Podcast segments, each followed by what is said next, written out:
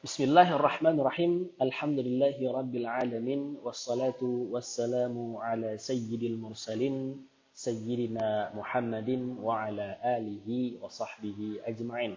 اللهم انفعنا بما علمتنا وعلمنا بما ينفعنا وارزقنا فحما آمين. آمين يا رب العالمين.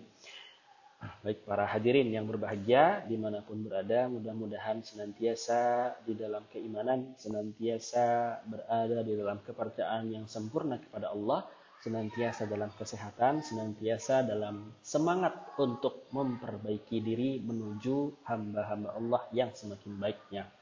Amin, amin, ya rabbal alamin. Eh, setelah sebelumnya di beberapa pertemuan yang lalu kita sudah memulai uh, tadabbur dan juga tafsir di surat Ad-Duha khususnya di ayat yang pertama sampai dengan ayat yang ketiga, yang mana ayat ini menjelaskan tentang statement bantahan yang Allah e, firmankan untuk mereka, yaitu orang kafir Quraisy yang mengatakan bahwa Nabi Muhammad SAW telah ditinggalkan oleh malaikat Jibril, telah ditinggalkan oleh Allah Subhanahu Wa Taala sendirian.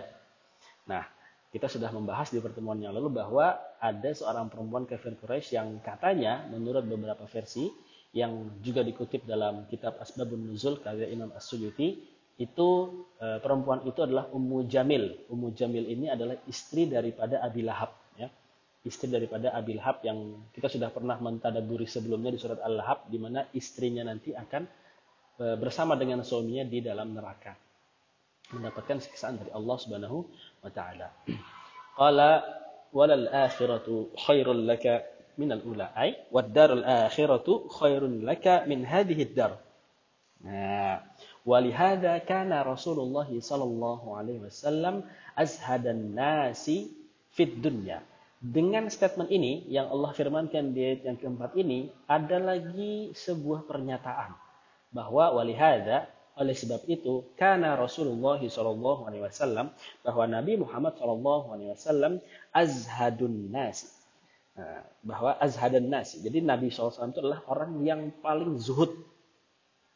Orang yang paling zuhud kepada dunia. Nah, ini menarik.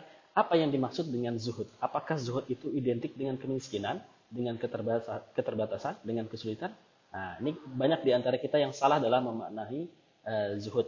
Zuhud ini uh, sebenarnya masuk di dalam ilmu tasawuf atau ilmu tazkiyatun nafs di mana seseorang merasa cukup dengan apa yang dimilikinya, dengan ridho dengan apa yang diberikan oleh Allah kepadanya, kemudian dia tidak e, bermegah-megahan, tidak e, menghabiskan e, semangat dan waktunya untuk hal-hal yang tidak berguna bagi akhiratnya. Meskipun kita tahu bahwa Nabi Muhammad SAW dulu itu adalah e, termasuk dari golongan orang-orang yang kaya, orang-orang yang kaya. Tapi di sini sebutkan sebagai zuhud. Jadi zuhud itu bukan identik dengan ada atau tidaknya harta, banyak atau sedikitnya harta, bukan. Tapi zuhud itulah perasaan merasa cukup, perasaan merasa ridho dengan apa yang sudah Allah berikan. Mau mau banyak rezeki, mau sedikit rezeki dan sebagainya. Zuhud itu merasa cukup dengan yang ada di dunia. Ini identik sekali atau berlawanan sekali dengan orang-orang mungkin yang tidak mempelajari Islam secara mendalam, menganggap bahwa harta itu adalah sesuatu yang paling urgent dalam kehidupan. Sehingga hidupnya, paginya, siangnya, sorenya, malamnya, di dalam hatinya hanya bagaimana mengumpulkan harta. Kemudian bersenang-senang dengan harta itu, dihabiskan harta itu supaya uh, bahagia hidupnya. Ini juga menjadi pembahasan di kalangan para filosof, ahli filsafat dari kalangan umat Islam yang membuat batasan atau membuat definisi dari zuhud ya membuat definisi dari zuhud. Ada ya, ada Al Farabi ada Ibn Tufail, Ibn Sina dan sebagainya. Ramai-ramai mereka membuat definisi yang menggambarkan bahwa zuhud dalam perspektif Islam bukanlah menjauhkan diri atau tidak membutuhkan sama sekali dengan dunia. Tetapi maksudnya adalah butuh dengan dunia perlu dengan dunia tapi secukupnya tidak berlebihan. Inilah yang nanti dimaksud dengan uh, zuhud di dunia Nah, ini juga menjadi eh, sebuah motivasi bagi kita, meskipun mungkin hari ini kita tidak dalam keadaan yang lapang, tidak dalam keadaan yang menguntungkan, tidak dalam keadaan yang menyenangkan, maka di sini Allah berfirman, "Walal akhiratu khairun laka minal ula." Dan sesungguhnya akhirat itu, darul akhirah, rumah akhirat, yaitu maksudnya adalah surga, itu lebih baik daripada dunia. Lebih baik daripada dunia, yaitu ula. Ula itu maksudnya dunia. Ini juga menunjukkan bahwa setiap seorang manusia yang hidup, bagaimanapun dia lahir, bagaimanapun dia dibesarkan, bagaimanapun dia hidup sampai dengan kematiannya, yang paling penting itu atau yang paling disorot itu adalah bagaimana keadaan dia nanti meninggalkan dunia. Untuk itu wajarlah guru-guru kita, syekh-syekh kita, para mursyid-mursyid kita mengatakan bahwa kita diminta untuk senantiasa berdoa dengan doa yang masyhur. Mungkin kita pernah mendengar ya Allahumma rizukna husnal khatimah. Ya Allah karuniakanlah kami husnal khatimah, akhir yang baik. Nah, kita mungkin pernah mendengar juga cerita seorang adik kakak. Kakaknya adalah seorang ahli ibadah, pagi siang malam beribadah, tidak pernah lupa ingatannya dari berzikir kepada Allah, sholat tepat waktu, wudhunya dijaga, Al-Quran senantiasa dibaca, dan lain sebagainya. Sedangkan sang adik adalah seorang yang kebalikan dari kakaknya 100%. Mabuk, berzina, berjudi, tidak sholat, bahkan hampir seluruh perbuatan-perbuatan buruk sudah pernah ia lakukan. Suatu ketika, di suatu malam, terbesitlah di dua saudara tersebut untuk saling merasakan atau saling berganti peran. Sang kakak melihat ruangan adiknya, kemudian tertarik untuk mencoba minum minuman keras. Sang adik tidak sengaja juga melintasi kamar sang kakak. Dilihatnya di situ ada Al-Quran, ada sajadah, ada tasbih. Suasana yang barangkali sangat asing dalam ingatan sang adik. Kemudian di malam tersebut, resmilah mereka bertukar peran. Sang adik kemudian sholat sang adik berwudu, sholat, kemudian membaca tilawah sambil terisak-isak tangis, sedangkan sang kakak minum khamar, kemudian berpesta e, sampai hilang akalnya. Kemudian rumah tersebut dikisahkan mendapatkan sebuah musibah, yaitu tersambar petir.